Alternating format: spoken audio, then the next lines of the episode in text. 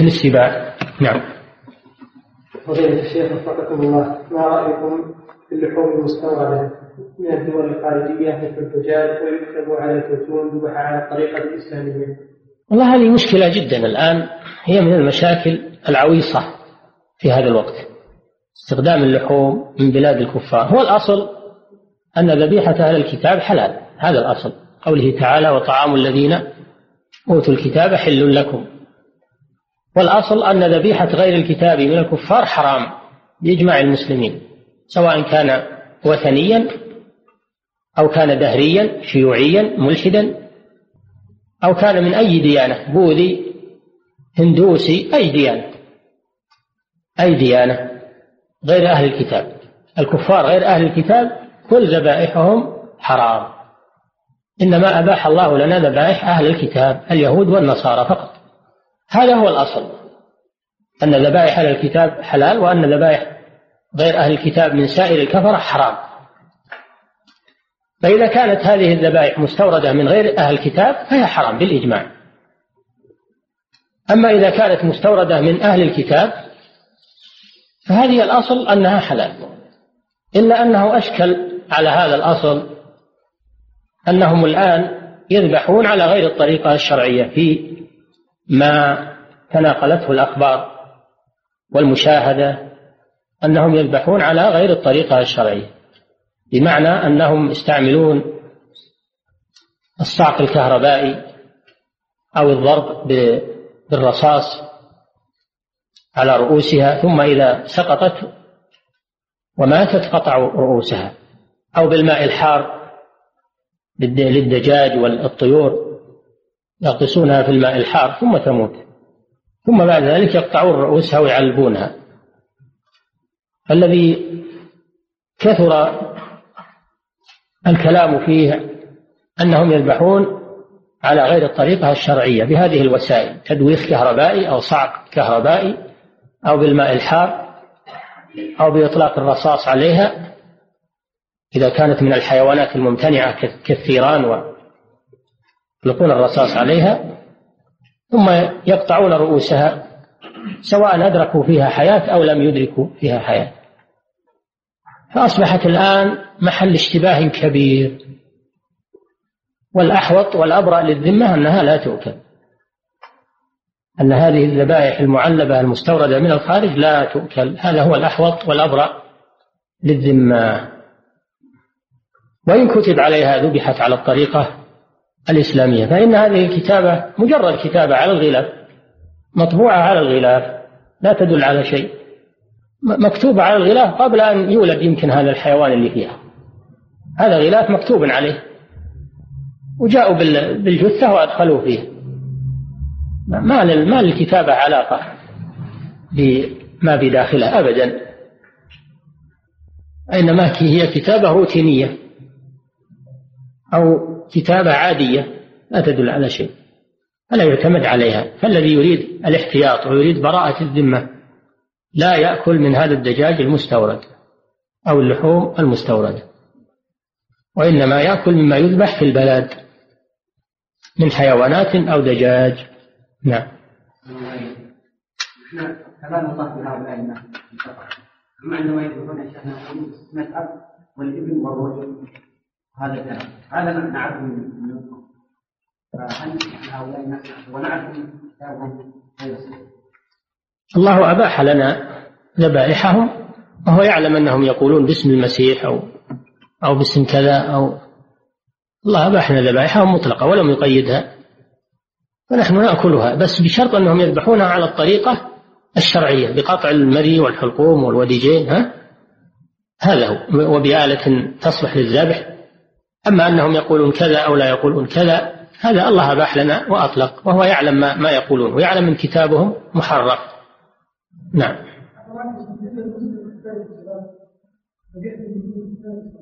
إذا حكمنا بكفره لم تحل ذبيحته. إذا حكمنا بكفره لم تحل ذبيحته. المرتد لا تحل ذبيحته سواء كان ردته بترك الصلاة أو بغيرها. إذا ثبتت ردته فذبيحته حرام. نعم. نعم. هذا إذا ذبحوه يتقربون به إلى أصنامهم أو إلى معبوداتهم. نعم. الله يا شيخ. دجاج في المطاعم يا شيخ.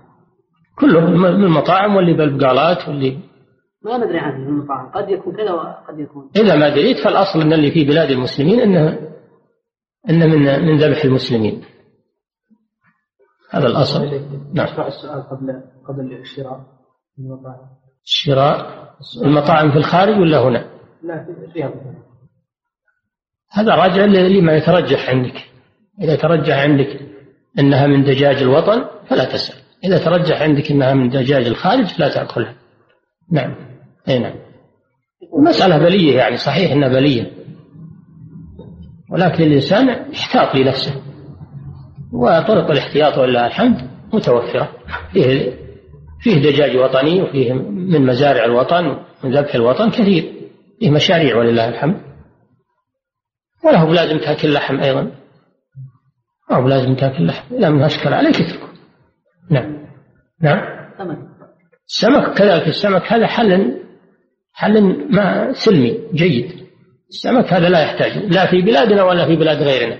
عالمي الحمد لله. كل منه ولا ولا تسأل. نعم. والجراد إذا وجدت جراد كل منه ولا عليك. نعم. فضيلة الشيخ وفقكم الله. ما المقصود بقولكم؟ ما تعمل فيه الزكاة؟ هل المقصود بهيمة الأنعام أو كل ما يذكى؟ كل ما يذكى. المقصود كل ما يذكى ويحل. تعمل فيه الزكاة يعني تبيحه الزكاة من كل الحيوانات من بهيمة الأنعام وغيرها كالظبا والأرانب و... والطيور كل ما تحله الزكاة. نعم. وفضيلة الشيخ وفقكم الله الهر ظاهر في الحياة. فهل تعمل فيه الزكاة وهل يجوز الانتفاع به لا. الهر لا يؤكل. المقصود ما تعمل فيه الزكاة الذي يؤكل. والهر لا تعمل فيه الزكاة. وإن كان طاهرا في الحياة لكن لا المراد الطاهر في الحياة الذي تعمل فيه الزكاة بمعنى تبيح أكله. نعم.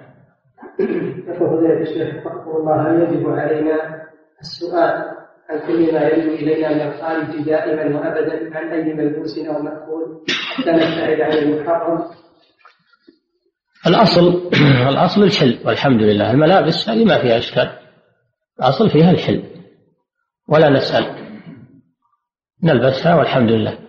حتى الصحابة كانوا في الحروب وفي المغانم يلبسون ثياب الكفار ولا يسألون عنها لأن بدن بدن الآدمي طاهر.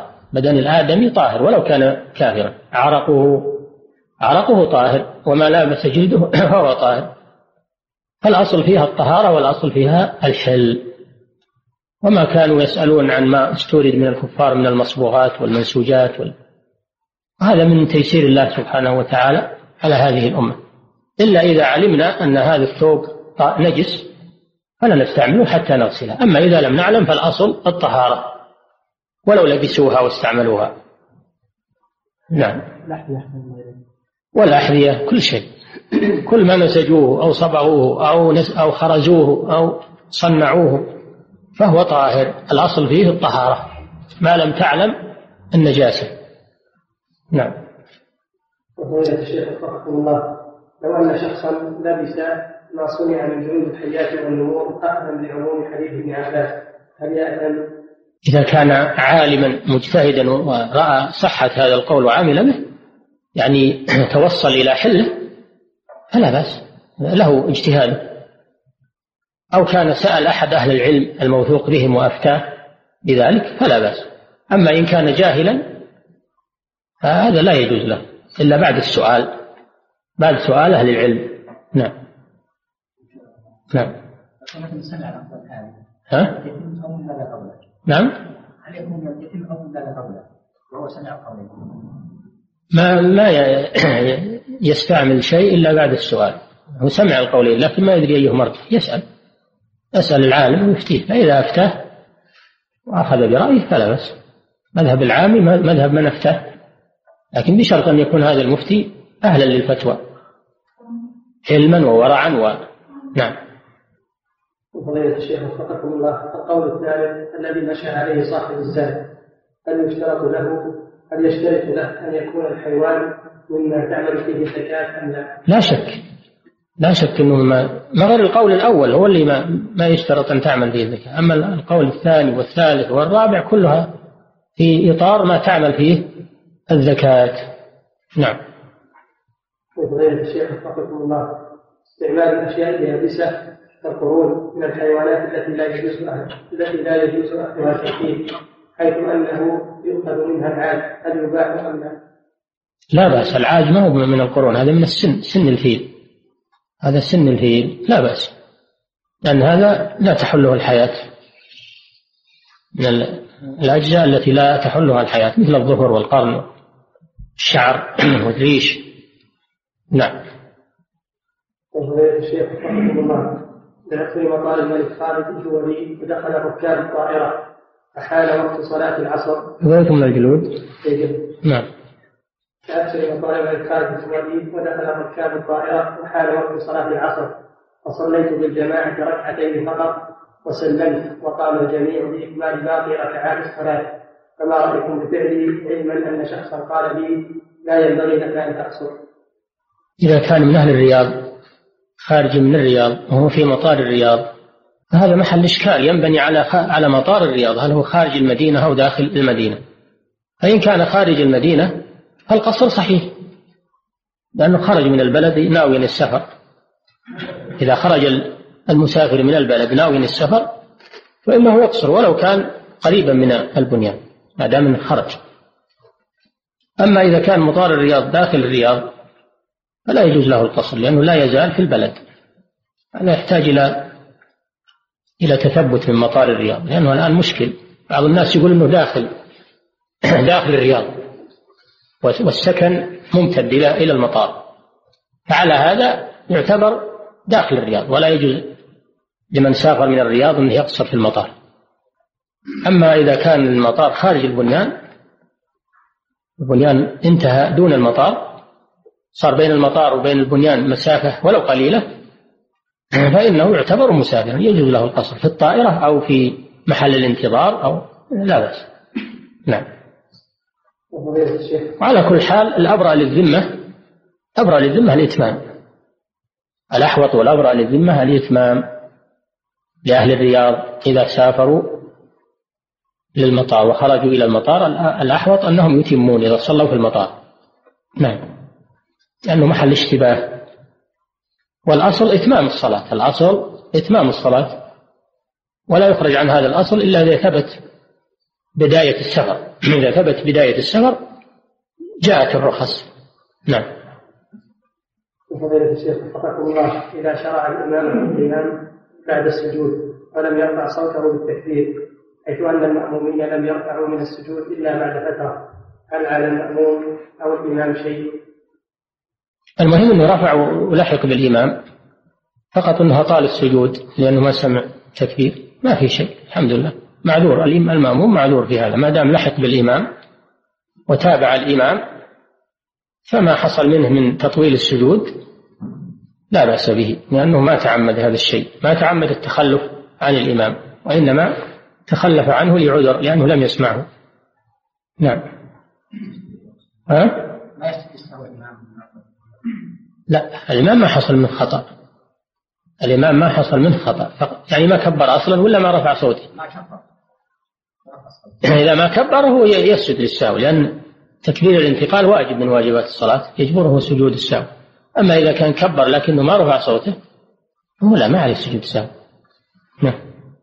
فضيلة الشيخ وفقكم الله رجل صلى صلاة العشاء وتذكر أن الوقت طويل فأحدث وقطع صلاته ثم توضأ وقال أريد أن أصلي متأخرا قبل خروج الوقت من المعلوم أنه لا يجوز قطع فريضة كصلاة وصوم وحج وغيره إذا شرع بها فما حكم فعل هذا الشخص؟ إيش يقول؟ رجل صلى صلاة العشاء وتذكر أن الوقت طويل فأحدث وقطع صلاته ثم توضأ وقال أريد أن أصلي متأخرا قبل خروج الوقت. هذا غلط. هذا غلط. لا يجوز إذا شرع في الصلاة لا يجوز أن يقطعها إلا لعذر لعذر ضروري. لا يجوز أن يقطع الصلاة ويقول الوقت واسع. فبقطع الصلاة وأصلي بعد ذلك هذا حرام لا يجوز. قال تعالى ولا تبطلوا أعمالكم. لا يجوز قطع الصلاة في مثل هذه الحالة. هذا خطأ وعليه أنه يتوب من هذا الشيء ولا يعود لمثله. نعم. متعمدا أحدث متعمدا لم لما رأى يقول أن الوقت طويل أراد قطعها ونقض الوضوء. أما لو كان حصل منه الحدث بدون اختياره هذا لا إثم عليه وتبطل الصلاة بها. لكن هو تعمد هذا الشيء بناء على أن الوقت واسع يقول. هذا ظاهر سؤاله. فالإنسان إذا شرع في الصلاة وله في أول الوقت كملها. ولو في أول وقت إذا شرع فيها يكملها ولا يجوز له إقطاع نعم. وفضيلة الشيخ رحمه الله بينما كنت مسافرا بأداء العمرة أعلن قائد الطائرة ونحن في الرياض أننا سوف نكون فوق الميقات الساعة السادسة وعشر دقائق. نعم. بينما كنت مسافرا بأداء العمرة أعلن قائد الطائرة ونحن في الرياض أننا سوف نكون فوق الميقات الساعة السادسة وعشر دقائق.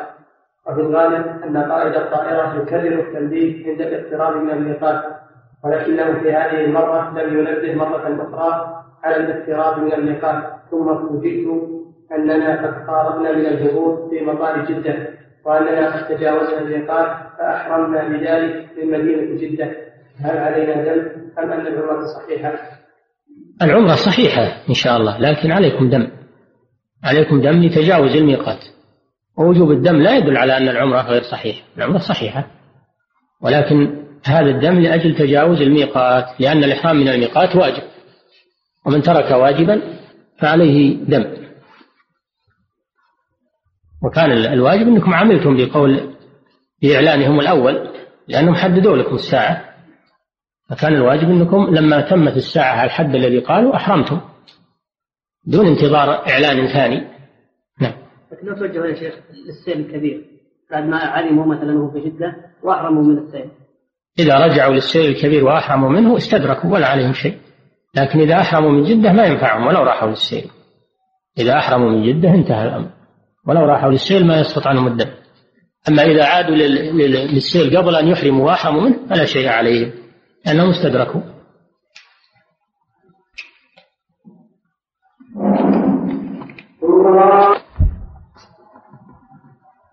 نعم. وفضيلة الشيخ وفقكم الله الطلاب الذين من خارج الرياض إذا أرادوا السفر إلى بلادهم وحان وقت الصلاة في المطار فهل يجوز لهم القصر؟ إذا كانوا مقيمين في الرياض مقيمين هم طلاب مقيمين في الرياض للدراسة حكمهم حكم أهل الرياض. حكمهم حكم أهل الرياض فيما سبق. نعم. إذا وصلوا مدينتهم يتمون الصلاة لأن السفر انتهى. انتهى في حقهم لأنهم وصلوا بلدهم. وإنما يقصرون في الطريق فقط. نعم. وفضيلة الشيخ وفقكم الله هل بول ما يؤكل لحمه طاهر يزيل النجاسة؟ لا هو طاهر لكنه ما يزيل النجاسة. بول الإبل طاهر بول الغنم طاهر لكن ما تغسل به. النجاسة. لا يزيله ما كل طاهر يزيل النجاسة. ما يزيل النجاسة إلا الماء. الماء الطهور هو الذي يزيل النجاسة. أما بقية السوائل الطاهرة كالبنزين والمواد المطهرة اللي يسمونها مواد حادة أو مواد منظفة هذه ما تغسل النجاسة. إلا على رأي شيخ الإسلام ابن تيمية يختار أن أنه يجوز إزالة النجاسة بكل سائل طاهر ولكن الجمهور لا يقولون لا. التطهير خاص بالماء لقوله تعالى وأنزلنا من السماء ماء طهورا وأنزل من السماء ماء ليطهركم به. التطهير خاص بالماء فقط. نعم. الشيخ وفقكم الله إذا قال المذكي باسم محمد بدل بسم الله أتحل ذبيحته. لا. أي ذبيحة شركية. إذا قال المذكي باسم محمد أو باسم عبد القادر الجيلاني أو باسم آه، الولي الفلاني أو باسم الحسين هذه زكاة شركية لا تجوز. لأنه ذكر عليها اسم غير الله. الله تعالى يقول وما أهل به لما ذكر المحرمات قال وما أهل به لغير الله. هذه ذبحت على اسم غير الله. نعم. وكذلك النصراني إذا إذا ذبح باسم المسيح أو باسم روح القدس أو يسمونه ثلاثة لا تحل. إذا سمعته يقول هذا لا تحل. لكن إذا لم تسمعه فالأصل في ذبيحته الحل. عملا بقوله تعالى وطعام الذين أوتوا الكتاب حل لكم. نعم. هل يجوز أكل لحوم الفرس؟ الصحيح نعم. الصحيح يجوز أكل لحوم الخيل. الصحيح أنه يجوز أكل لحوم الخيل. لحديث أسماء رضي الله عنها قالت نحرنا فرسا على عهد رسول الله صلى الله عليه وسلم فأكلناه. هذا في عهد الرسول صلى الله عليه وسلم ولم ينكر عليه. هذا تقرير من الرسول. مع أن أسماء هي أسماء بنت أبي بكر الصديق. وهي أخت عائشة لهم ارتباط ببيت النبي صلى الله عليه وسلم دل على إباحة لحوم لحوم الخيل لأنها من الطيبات. نعم. نعم. معنى اي نعم. انها تنحر كالإبل. نعم. وفضيلة الشيخ وفقكم الله لقد كثر الكلام حول حكم المكياج والمساحيق الوارده من خارج البلاد. والتي يستخدمها النساء حتى حتى تطور الأمر إلى أن بعضهن إذا رأت أختها واضعة للمكياج قالت أنت متشبهة بالكافرات ويخشى أن تكوني منهن. وبالتالي صار جدال حول هذا الموضوع فنرجو من فضيلتكم تفضل بالتقصير في ذلك لأن كل واحدة تريد الجميل الإنكار بدون فقه وبدون علم لا يجوز. لا يجوز لأحد أنه ينكر أو يتكلم. إلا عن علم. قال الله تعالى ولا تقف ما ليس لك به علم. قال سبحانه ولا تقولوا لما تصف ألسنتكم الكذب هذا حلال وهذا حرام. تفتروا على الله الكذب. الفتوى بغير علم والإنكار على الناس بغير علم لا يجوز. الأصل في المساحيق والمكياج والأشياء هذه إنها من أدوات الزينة المباحة للنساء. فمن حرم شيئا منها فلا بد أن يأتي بدليل يدل على التحريم.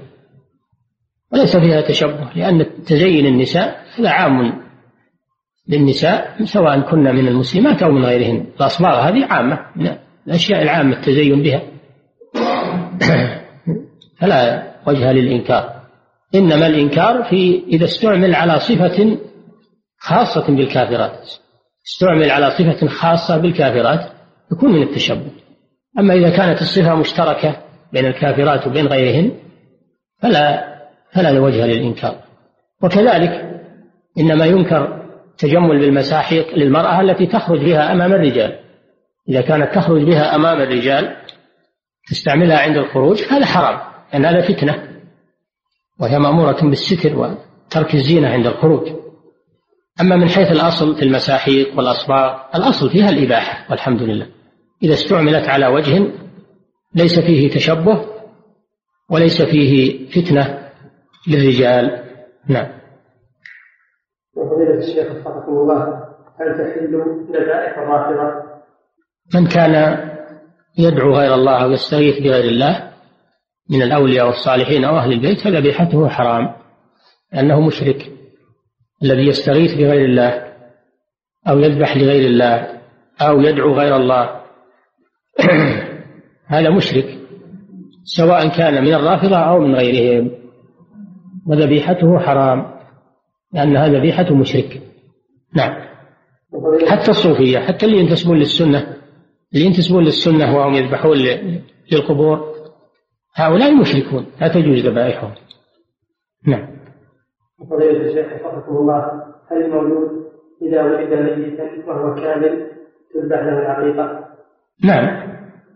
تذبح له العقيقة أخذا بالعموم أنه ما دام ما دام ولد حيا ولد حيا ثم مات تذبح له العقيقة أخذا بعموم مشروعية العقيقة للمولود وهذا مولود لكنه مات تشرع له العقيقة. نعم. لا إذا مات في بطن أمه ولم ولد ميتا إذا ولد ميتا فلا وجه يعني لذبح إن العقيقة إنما تذبح للمولود هذا لم يولد لم يولد حيا. نعم. فضيلة الشيخ حفظكم الله في بعض الجيوش يدربون الأفراد على أكل الحيات وأكل الحيوانات وهي حية. هل يجوز ذلك؟ لا هذا ما يجوز. هذا ما يجوز. هذا من تحليل الحرام لا يجوز هذا. الحيات والحشرات ما يجوز هذا. لا طاعة لمخلوق في معصية الخالق. هذا لا يجوز. نعم. فضيلة الشيخ حفظكم الله لقد كثر في هذا الزمان من النساء إسقاط حملهن وذلك إذا كانت المرأة حديثة عهد بولادة أو طلقها زوجها ولا تريد الولد منه فيكون إسقاطها لحملها عمدا حجتهن أنها لم تكمل الثلاثة أشهر في الحمل فما الحكم في ذلك؟ لا يجوز إسقاط الحمل كراهية لكثرة الأولاد أو لتحديد النسل أو مجاراة للناس أو اتباعا للترف ما تريد الحمل أو من أجل أنها تعمل تتفرغ للعمل الوظيفي والحمل يقعدها عن الحمل يقعدها عن العمل الوظيفي. هذا كله حرام لا يجوز. الحمل إذا انعقد في البطن فهو أمانة فهو أمانة في ذمة الحامل. يجب عليها المحافظة عليه ولا يجوز لها الإساءة إليه أو قتله أو إسقاطه. إلا بمبرر شرعي. لا يجوز إسقاط الحمل بحال من الأحوال إلا عند الضرورة إذا كان بقاء الحمل يقضي على أمه. إذا كان بقاء الحمل يقضي عليها. قرر الأطباء أنه إذا بقي هذا الحمل فيها أنها تموت. فهنا يجوز إسقاطه لأجل الضرورة. أما بدون هذا فلا يجوز. وهي وهو أمانة حملها الله إياه يجب عليها المحافظة عليه. نعم. لا لا من أجل العمل ولا من أجل تحديد النسل ولا من أجل غير غير ذلك من الأمور التي تروج الآن عند عند المسلمين ويتأثر بها بعض النساء أو بعض أولياء النساء. الحمل لا يجوز التساهل في شأنه والجناية عليه. نعم. والمغتصبات ما يجوز. وش ذنب الحمل ما له ذنب. ما يجوز لك تسقطه. لا ما يجوز. ما يجوز الإجهاض إلا في حالة الخطر على حياة أمه. الخطر على حياة أمه. فقط. ها؟ فعلت. فهي مجرمة. ترتب عليها الإثم. وإذا كان تم لها أربع أربعة أشهر ونفخت فيه الروح ترتب عليه الدية. والكفارة. دية الجنين والكفارة. والإثم تتوب إلى الله عز وجل. فيها الإثم نعم فيها الإثم والمعصية. النبي صلى الله عليه وسلم لما وجب حد الرجم على امرأة حامل تركها حتى وضعت الحمل أمهلها حتى وضعت الحمل. هي اللي جاءت تطلب إقامة الحد عليها. ولما كانت حاملا أمرها النبي صلى الله عليه وسلم أن ترجع حتى تضع الحمل فوضعت الحمل وجاءت إلى النبي صلى الله عليه وسلم تريد منه أن يرجمها. فقال لا حتى ترضعيه فردها حتى أرضعته سنتين. ثم جاءت به وبيده كسرة خبز يأكل. فقد فطمته فأمر النبي صلى الله عليه وسلم بأخذ الولد منها وأمر برجمها. دل هذا على محافظة على الجنين والمحافظة على المولود. مش ذنب المولود المسكين؟ نعم. بعض هذا. لا ما يجوز. العمل بقول الأطباء أنه مشوه حتى ولو كان مشوه حتى ولو كان مشوه ما يجوز لنا أن نجني عليه وأن نسقطه. نكل أمره إلى الله. ثم أيضا أخذ قول الأطباء قضية مسلمة إن الحمل مشوه وأن ما هو صحيح قد لا يكون مشوه ويكون الطبيب متوهم في هذا. نعم.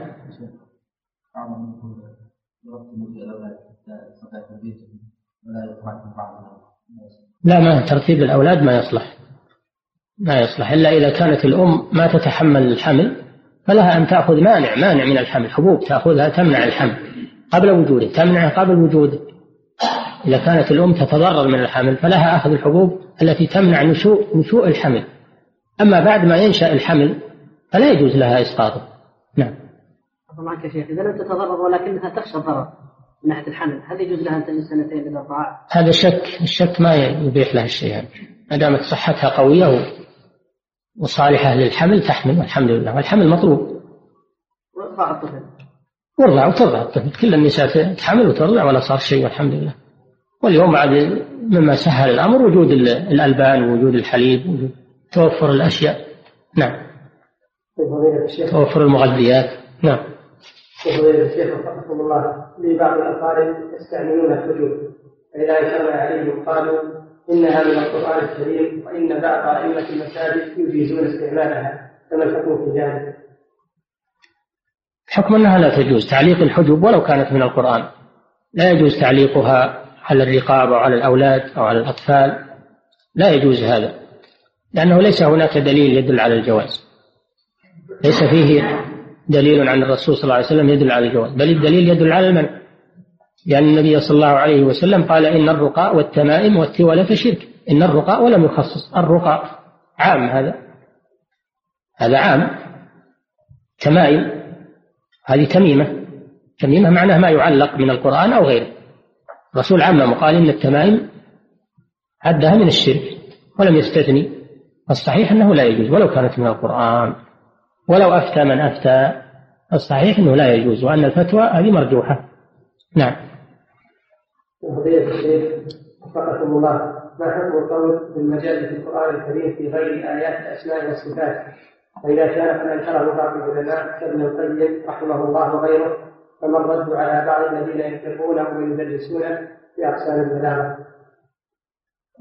تدريسه غير الإقرار به. كونك تدرسه تعرف ما ما آخذ أهله وكيف. لا بأس دراسته لا بأس. إنما الممنوع أنك تعترف به تقول هذا صحيح هذا هو الممنوع. أما كونك تدرسه وتعرفه تعرف منشأه وأقوال الناس فيه و... هذا لا بأس. لا تدرسون المقالات حتى مقالات الجهمية ومقالات المعتزلة ومقالات ال... يقرؤونها ويعرفونها لا بأس. دراسة شيء وإجازة الشيء وتصحيح شيء آخر. فلا تلازم بين الدراسة وبين وبين تصحيح الشيء والاعتراف به. لا ما هو بإقرار. ما هو بإقرار. دراسة للاطلاع عليه ومعرفة شبهة القائلين به وإنشاء هذا القول للإلمام به فقط. ما في مانع. دراسته ما فيها مانع. اللي يقر بهذا يكون آثما. ما كل من درسه يكون مقرا به.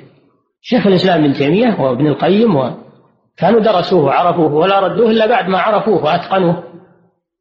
ما في مانع الدراسة ما فيها مانع أبدا. إنما إنما المانع في الاعتراف به وتصديقه هذا هو الممنوع. نعم. وإلا كيف تعرف أنه باطل وأنت ما درسته؟ ما, تعرف أنه باطل حتى تدرسه شوف نعم. فضيلة الشيخ وفقكم الله إذا قام رجل بعد صلاة الإمام ليتكلم أو يعظ أو يحدث. فهل للمأمومين أن ينصتوا له قبل أن يأخذوا من الأذكار التي بعد الصلاة؟ نعم ينصتون له ويأتون بالأذكار بعد ما يخلص. ينصتون له ويأتون بالأذكار بعد ما ينتهي. نعم. فضيلة الشيخ حفظكم الله هل هذا القول صحيح أن للمسلمين يوم في شهر رجب يحتفلون بيوم الإسراء والمعراج؟ غير صحيح. غير صحيح. الإسراء والمعراج ليس له احتفال.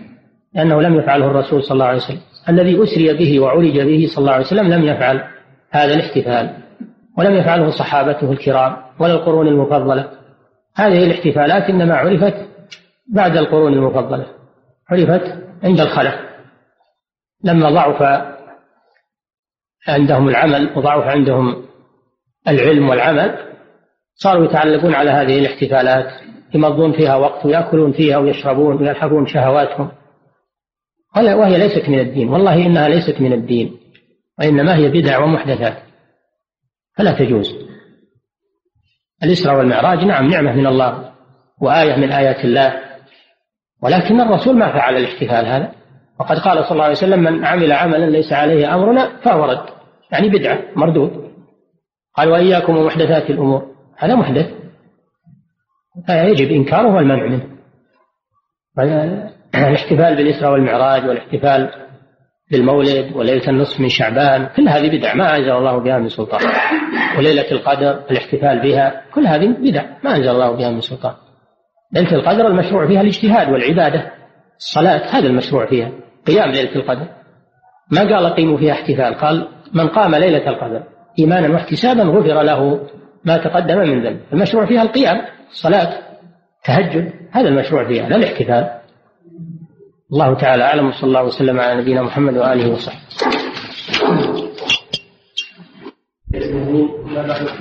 رحمه الله تعالى عن ابن عباس رضي الله عنهما قال قال رسول الله صلى الله عليه وسلم اذا ذكر الإهاب فقد طهر اخرجه مسلم وعند الاربعه ايما ايما اهاب دبر وعن سلمه بن المحبب رضي الله عنه قال قال رسول الله صلى الله عليه وسلم دباغ جلود الميتة طهورها صححه ابن حبان عن ميمونة رضي الله عنها قالت مر النبي صلى الله عليه وسلم بشاة يجرونها فقال لو أخذتم إهابها فقالوا إنها ميتة فقال يطهرها الماء والقرض. أخرجه أبو داود والنسائي.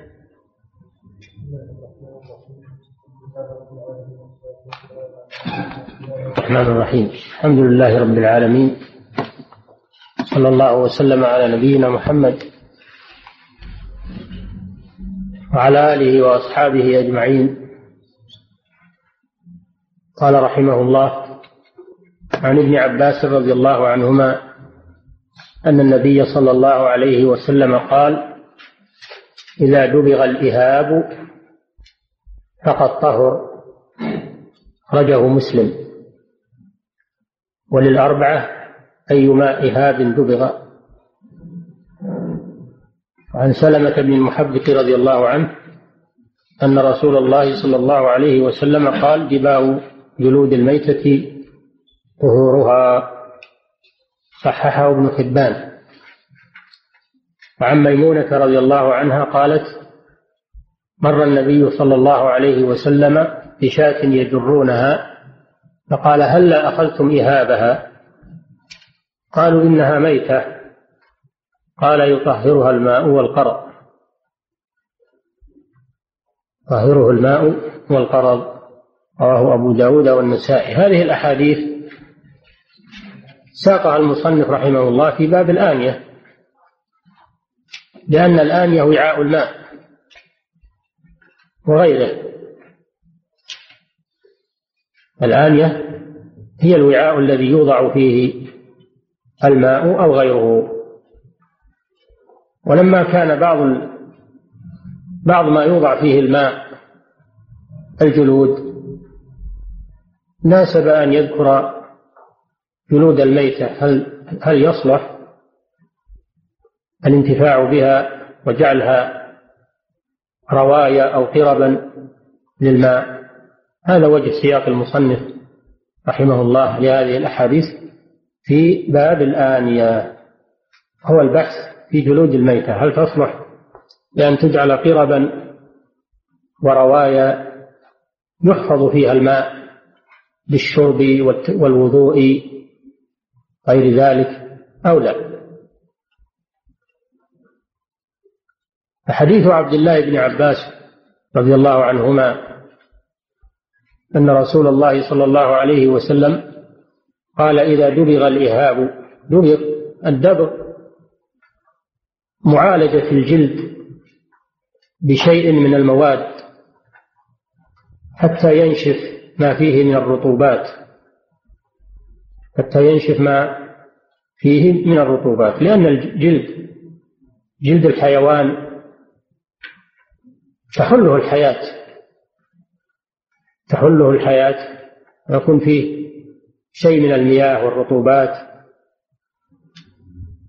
فكان العرب إذا ذبحوا الحيوان وسلخوا جلده كانوا يدبغونه بمعنى أنهم يعالجونه بشيء من الأدوية المعروفة عندهم حتى يستخرجوا ما فيه من الرطوبات فينشف الجلد.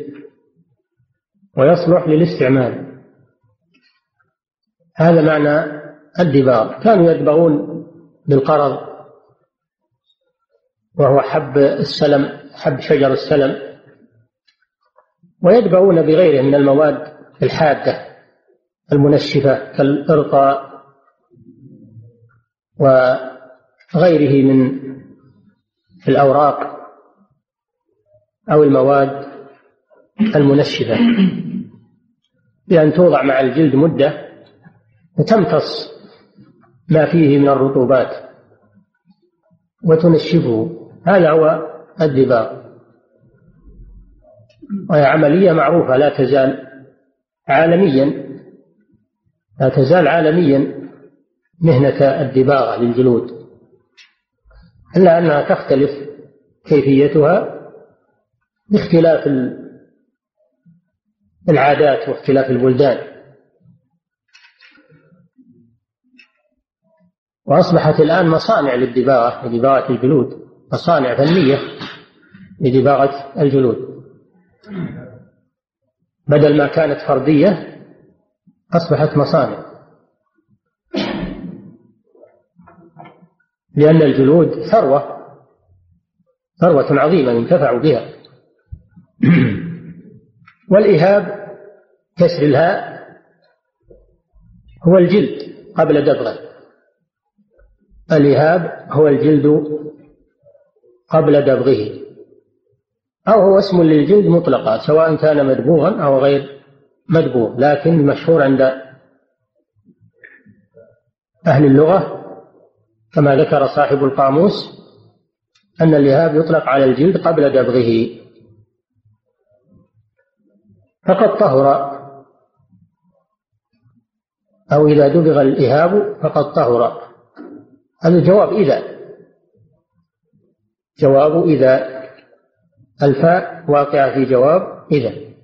وقد كلمة تحقيق يتابع للتحقيق. مثل قوله تعالى قد أفلح المؤمنون. قد هنا للتحقيق. تحقق الشيء. فقد طهر بضم بفتح الطاء وضم الهاء أي طهر من النجاسة. طهر من النجاسة. لأنه كان قبل أن يدبر كان نجسا لأنه جلد ميتة والميتة نجسة بجميع أجزائها التي تحلها الحياة. فإذا دبر زالت عنه النجاسة وصار طاهرا. هذا معنى الحديث. هذا معنى قوله صلى الله عليه وسلم فقد طهر. يعني زالت عنه النجاسة التي أصابته بسبب موت الحيوان. أخرجه مسلم. وعند الأربعة هي أصحاب السنن الأربع. رواية هذا الحديث عند أبي داود والترمذي والنسائي وابن ماجه هؤلاء هم الأربعة. عندهم أيما إهاب دبغ فقد طهر. وكلمة أيما هذه أداة شرط. تفيد العموم.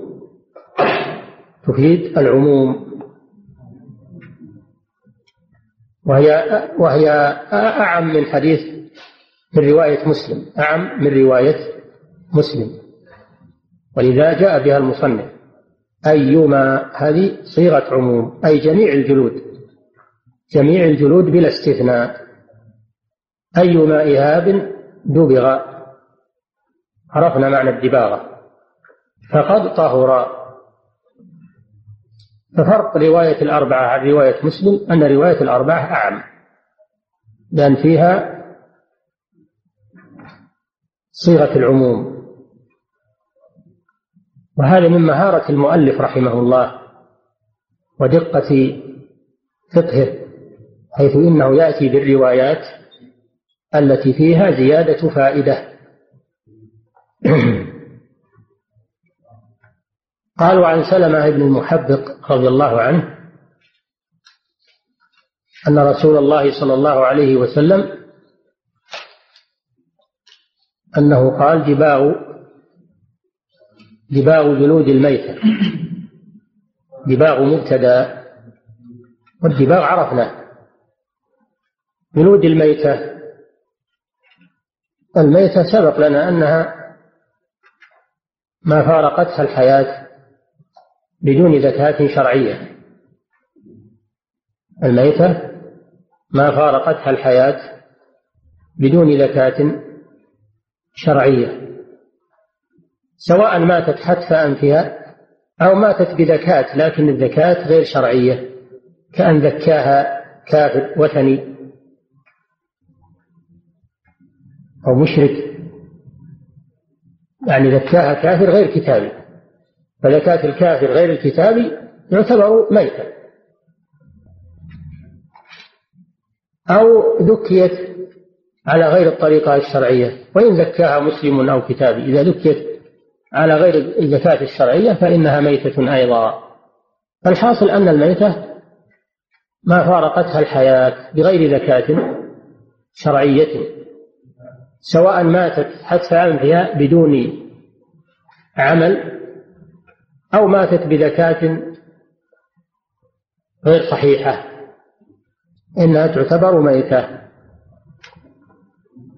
هذا معنى الميتة. دباغ جلود الميتة طهور طهورها. هذا خبر المبتدأ ومعناه أن دباغ جلد الميتة يطهره ويجعله صالحا للاستعمال في الماء أو غيره. في المائعات أو اليابسات. هذا معنى حديث سلمة بن المحرم. وهو يفيد ما أفاده حديث ابن عباس الذي قبله. إلا أنه يؤكد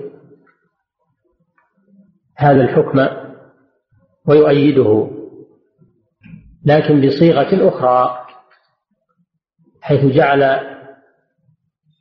الحديث من مبتدا وخبر. دباء جلود هذا مبتدا. ظهورها هذا خبر جملة جملة اسمية.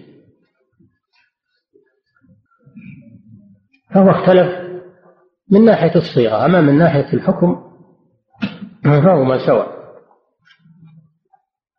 صححه ابن حبان أي حكم بصحته الإمام أبو حاتم ابن حبان. والحديث الصحيح هو ما سبق بيانه ما رواه عدل تام الضبط من بداية السند إلى نهايته. مع السلامة من الشذوذ والعلل. هذا هو الصحيح. توفرت فيه خمسة خمسة شروط. وهو أعلى درجات الحديث. الصحيح هو أعلى درجات الحديث. ثم يليه الحسن ثم يليه الضعيف. صححه ابن حبان.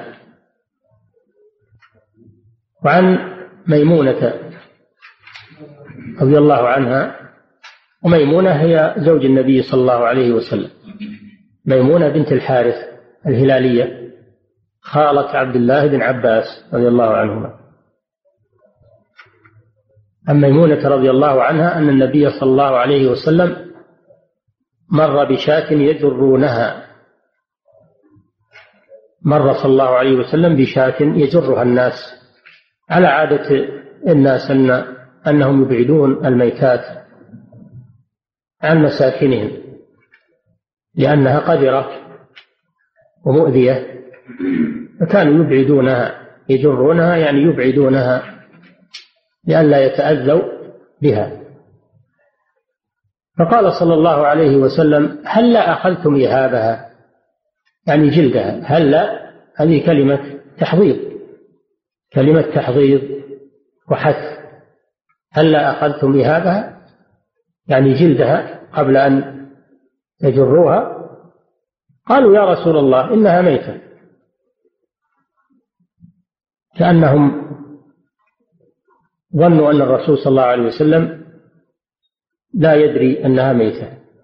وهم يعرفون أن الميتة حرام بجميع أجزائها. فقال صلى الله عليه وسلم طهره الماء والقرض يعني أن جلدها يطهره الماء والقرض يعني الدباغ.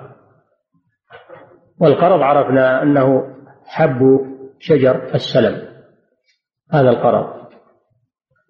إذا وضع على الجلد وترك معه مدة فإنه يمتص ما فيه من الرطوبات وينشفه. وهذا اعتبره النبي صلى الله عليه وسلم مطهرا لجلد الميتة. هذه الأحاديث الثلاثة حديث ابن عباس بروايتيه حديث سلمة بن المحبب حديث ميمونة موضوعها واحد وهو حكم الانتفاع بجلود الميتة. أما حديث ابن عباس فهو يدل على أن جميع الجلود على أن جميع جلود الميتة يجوز أن تدبغ وأن تستعمل سواء كانت مما يؤكل بالزكاة كبهيمة الأنعام وغيرها أو كان مما لا يؤكل سائر الحيوانات. حتى السباع وحتى الحيات وحتى كل شيء. هذا ما يفيد حديث عموم حديث ابن عباس. أنه قال إذا دبغ الإهاب فقد طهر أو أيما إهاب دبغ فقد طهر. هذا عام في جميع الجلود لا يستثنى منها شيء.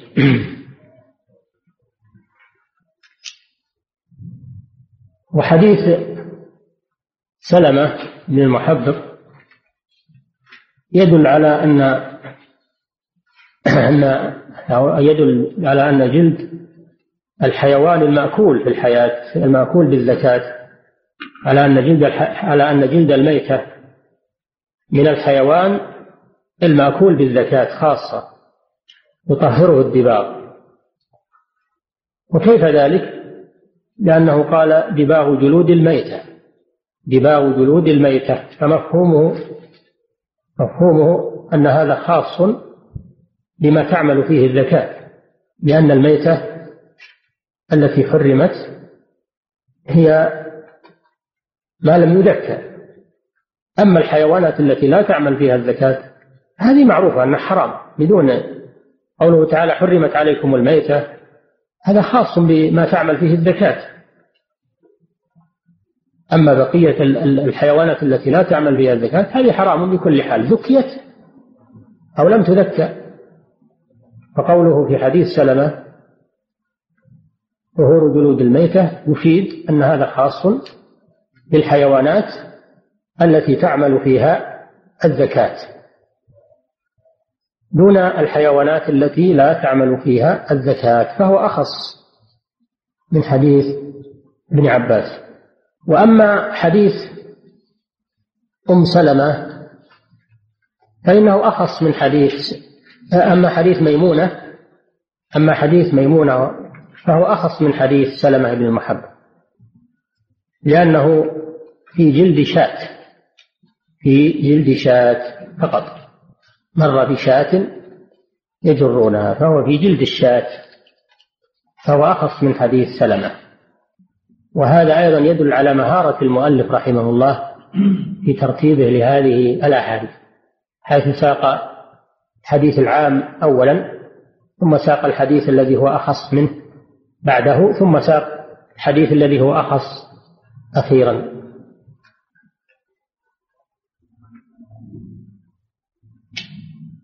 هذا ترتيب الأحاديث. فحديث ابن عباس يدل على طهارة جلود الميتات كلها بالدباغ دون استثناء.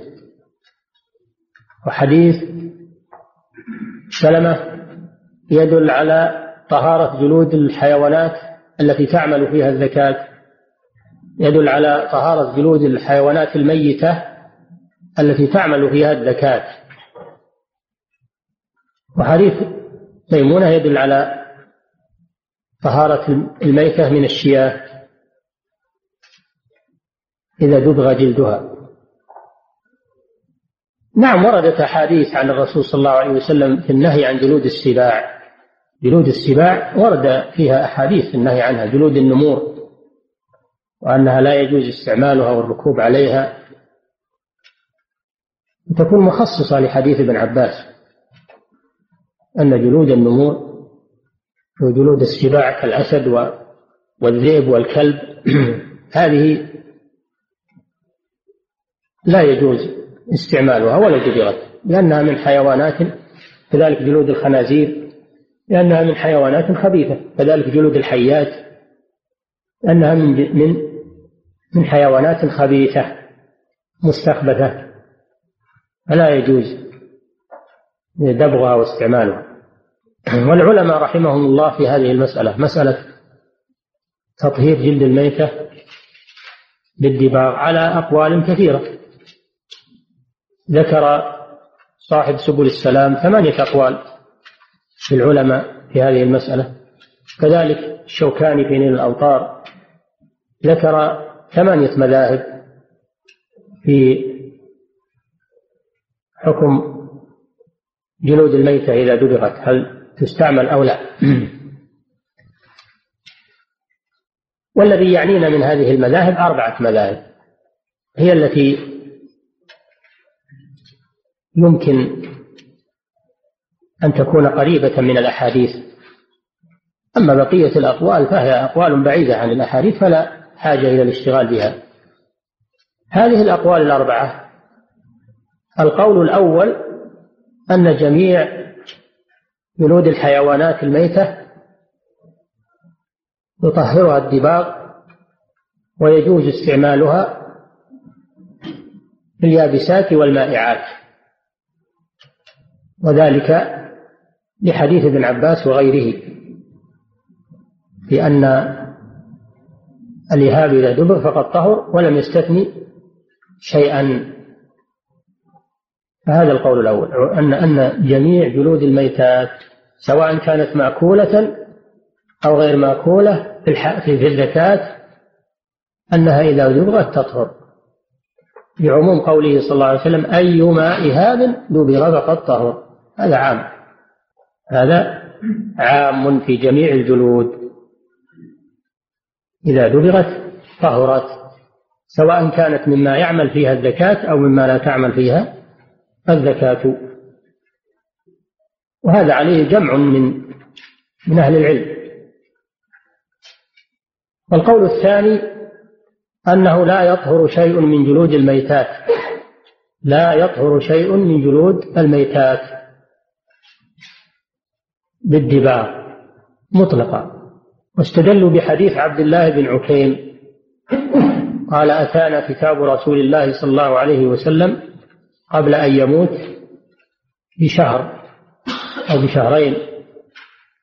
يقول لا تنتفع من الميتة بإهاب ولا عصب. لا تنتفع من الميتة بإهاب ولا عصب. والإهاب هو الجلد. قالوا هذا الحديث يعتبر ناسخا لأحاديث الجواز. ناسخا لأحاديث الباب لأنه نهى عن عن جلود الميتات مطلقا وهو في آخر حياته صلى الله عليه وسلم قبل أن يموت بشهر فدل على أنه ناسخ لأنه إذا عرف التاريخ إذا تعارض الحديثان وعرف التاريخ فإن المتأخر ينسخ المتقدم يعتبر ناسخا. لكن الأولون أجابوا عن حديث عبد الله بن عكيم هذا بأجوبة كثيرة منها أنه حديث مضطرب حديث مضطرب لأنه جاء في رواية جاء في رواية أنه أنه سمع شيوخا من جهينة يقولون كذا وكذا. وفي رواية أنه جاءهم كتاب رسول الله صلى الله عليه وسلم. وفي رواية عمن قرأ كتاب رسول الله صلى الله عليه وسلم. فهو ليس بحديث ثابت وإنما هو مضطرب. تارة كذا وتارة يقول عن شيوخ من جهينة وتارة يقول عمن قرأ كتاب رسول الله صلى الله عليه وسلم تارة يقول جاءنا كتاب رسول الله صلى الله عليه وسلم. هو حديث فيه اضطراب. وأيضا هو مرسل لأن عبد الله بن عكيم لم يسمعه من الرسول صلى الله عليه وسلم. فهو مرسل صحابي. وأيضا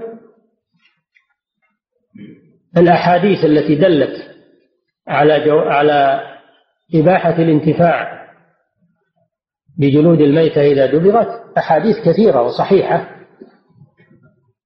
فتقدم على حديث عبد الله بن عكيم لأنه حديث فيه الإرسال وفيه الانقطاع وفيه الاضطراب فلا يقاومها فتقدم عليه. ولا يقوى على معارضتها. وهي عن صحابة متعددين فهي أقوى منه. معلوم أنه عند التعارض يقدم الأقوى وأيضا يمكن أن يقال لا تعارض بين حديث عبد الله بن عكيم والأحاديث الأخرى لأن حديث عبد الله بن عكيم يقول لا تنتفع من الميتة بإهاب والإهاب كما يقول صاحب القاموس هو الجلد قبل أن يدبغ أما أحاديث ابن عباس وميمونة وسلمة بن المحبب وغيرهم فإنما أباحت الانتفاع بجلود الميتة بعد دبغها فلا تعارض. فيكون النهي قبل الدبغ والجواز بعد بعد الدبغ فلا تعارض بين الأحاديث. وهذا والله أعلم هو الجواب الصحيح. هذا هو الجواب الصحيح. أن حديث عبد الله بن عكيم منصب على الإهاب والإهاب هو الجلد قبل أن يدبر وأحاديث ابن عباس وغيره فيها إباحة الانتفاع بها بعد الدبغ فلا تعارض بين الأحاديث. والقول الثالث في المسألة أن جلود الميتة إذا دبغت طهرت طهر ظاهرها فقط دون باطنها. أن جلود الميتة إذا دبغت طهر ظاهرها دون باطنها بشرط أن تكون من حيوانات تعمل فيها الذكاة حيوانات طاهرة في الحياة. فيجوز استعمالها إذن في اليابسات دون المائعات. لأنها طهرت ظاهرا دون الباطن. فتستعمل في اليابسات دون المائعات. يعني لا تستعمل في الماء ولا في السمن ولا في الزيوت المائعة وإنما تستعمل في اليابسات. كالحبوب من البر والشعير و يعني توضع فيها الحبوب مثلا والأشياء اليابسة. وهذا مروي عن الإمام أحمد وهو الذي مشى عليه صاحب متن الزاد أنها تطهر يطهر ظاهرها دون باطنها وتستعمل في المائع في اليابسات دون المائعات. بشرط أن تكون من حيوان طاهر في الحياة يعني من الحيوان الذي تعمل فيه الزكاة. القول الرابع أن جلود الميتات أن جلود الميتات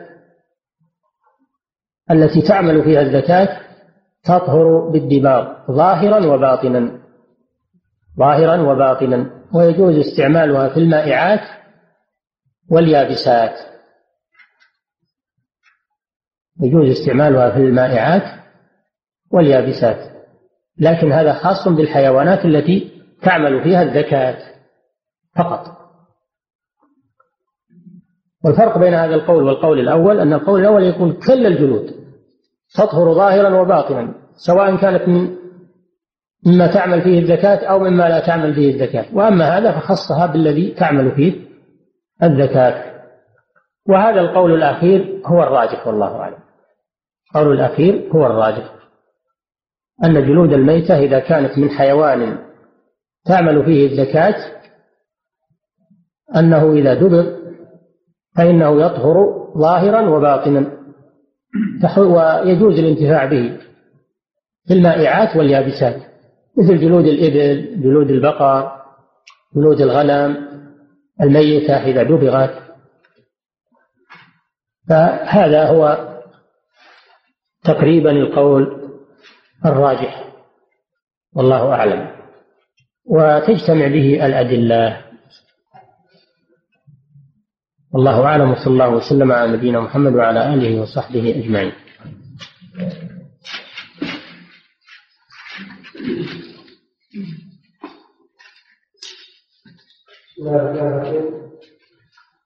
الشيخ رحمه الله. يجوز لبس الأحذية التي تصنع من جلود النمور على القول الأول نعم. على القول الأول نعم. يجوز. لكن على القول الراجح الذي هو القول الرابع أن هذا يختص بالحيوانات التي تعمل فيها الزكاة لا يجوز. لأن النمور النمور جاء النهي عنها بذاتها. جاء النهي عن الركوب عليها واستعمالها وافتراشها فلا يجوز أن يعمل منها أحذية. وكذلك الحيات. الحيات لا يجوز على الصحيح لأنها خبائث. أنها خبائث. لا يجوز استعمال جلودها ولو دبغت هذا هو القول الراجح. طبعا يا شيخ التماثيل نعم. جلود التماثيل. جلود التماثيل كيف تستعمل؟ نعم. تستعمل؟ نعم. كان في الكنادة وبعض إيه. تماثيل فيها خلاف هل تؤكل أو لا تؤكل؟ فالأمر فيها سهل والله أعلم انها لا بأس فيها. هي مثل الحيات الحيات خبيثة. نعم. نعم نعم اي اي نعم هي موجودة. اي إذا إذا بيعت تمنع تمنع لأن الرسول نهى عنها عليه الصلاة والسلام. وإنما جلود الثعالب جلود الثعالب هي اللي فيها الخلاف لأن الثعلب اختلفوا فيه. بعض العلماء يرى إباحة أكله كالشافعيه ورواية في مذهب أحمد أنه يجوز أكلها.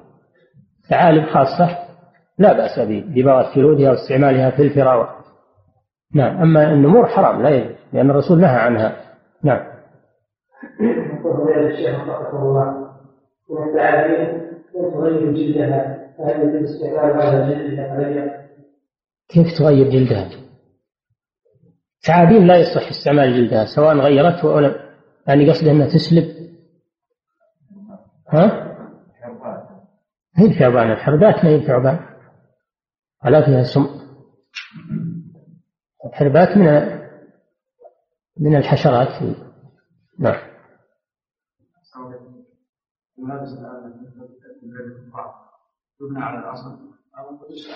هذا بيأتي إن شاء الله. بيأتي بيأتي في الأحاديث لكن لا بأس من تعجيل الجواب. ثياب الكفار لا بأس به وما نسجوه أو صبغوه أو استعملوه لا بأس باستعماله. ها؟ إذا علمنا أنها من من حيوانات محرمة لا تجوز لنا. أما إذا ما علمنا يمكن أنها جلود غنم أو جلود إبل أو جلود بقر فلا بأس. نعم. هل يجوز استعمال الجلود جلود المروحيات فيما يستهان به. لا يجوز استعمال استعمال جلود النمور ولا جلود الحيات. إذا أبحناه فيما يستهان به تدرج الأمر واستعمل في سائر الاستعمالات. فلا يجوز لنا ملابستها واستعمالها. نعم. فضيلة الشيخ رحمه الله عن عبد الله بن رحيم صحابي لا؟ هو معاصر للرسول صلى الله عليه وسلم يقول أتانا كتاب رسول الله قبل أن يموت بشهر. فإذا كان لقي الرسول صلى الله عليه وسلم فهو صحابي وإن لم يكن لقيه فإنه تابعي ولو كان في عصر الرسول. لأن من أسلم في عهد الرسول صلى الله عليه وسلم ولم يره فهو تابعي مثل النجاشي. وأما من رآه مسلما فهو صحابي. ولو لو رآه ولو لحظة وهو مسلم صار صحابيا. نعم. ما أدري هل عبد الله بن عكيم رأى الرسول صلى الله عليه وسلم فيكون صحابيا أو لم يره فيكون تابعيا نعم؟ تراجع ترجمته نعم هي اليابسات والمائعات؟ اليابسات مثل الحبوب والثمار والمائعات السوائل اللي تسمى سوائل مثل الأدهان والزيوت والمياه هذه المائعات السوائل نعم. فضيلة الشيخ وفقكم الله. الصلبة في الميتة كالقرن هل هل حكمها حكم الليل منها كاللحم أم لها حكم آخر؟ ما لا تحله الحياة كالشعر والصوف. هذا يجوز أخذه. وكذلك القرن. القرن هذا لا تحله الحياة لأنه يابس. فيجوز أخذه. أما ما تحله الحياة كالجلد فهذا هو محل البحث. نعم. يجوز جز صوف الميتة وريش الطائر يجوز أخذه الاستعمال به وإن كان ميت. لأن هذا لا تحله الحياة في حكم المنفصل في حكم المنفصل. كذلك القرن يجوز قصه واستعماله لأنه في حكم المنفصل مثل الظفر من الإنسان حكم المنفصل. نعم. فضيلة الشيخ وفقكم الله. ما حكم قتل الثعابين المطلقة ولو لم تؤذي؟ الثعابين تقتل لأنها من من المؤذيات. خمس يقتلن في الحل والحرم. ذكر منها الحية. الحية الشأن فيها أنها مؤذية. إلا أن حيات البيوت هي التي ورد فيها النهي. جنان البيوت أو جنان البيوت التي تعيش في البيوت. هذه ورد فيها النهي أن تقتل حتى تنذر. حتى تنذر قبل ذلك وتحذر فإن لم تندفع قتل. لكن ما تقتل من أول وهلة لأنها والله أعلم أنها من الجن. وقد قتل واحد من الصحابة.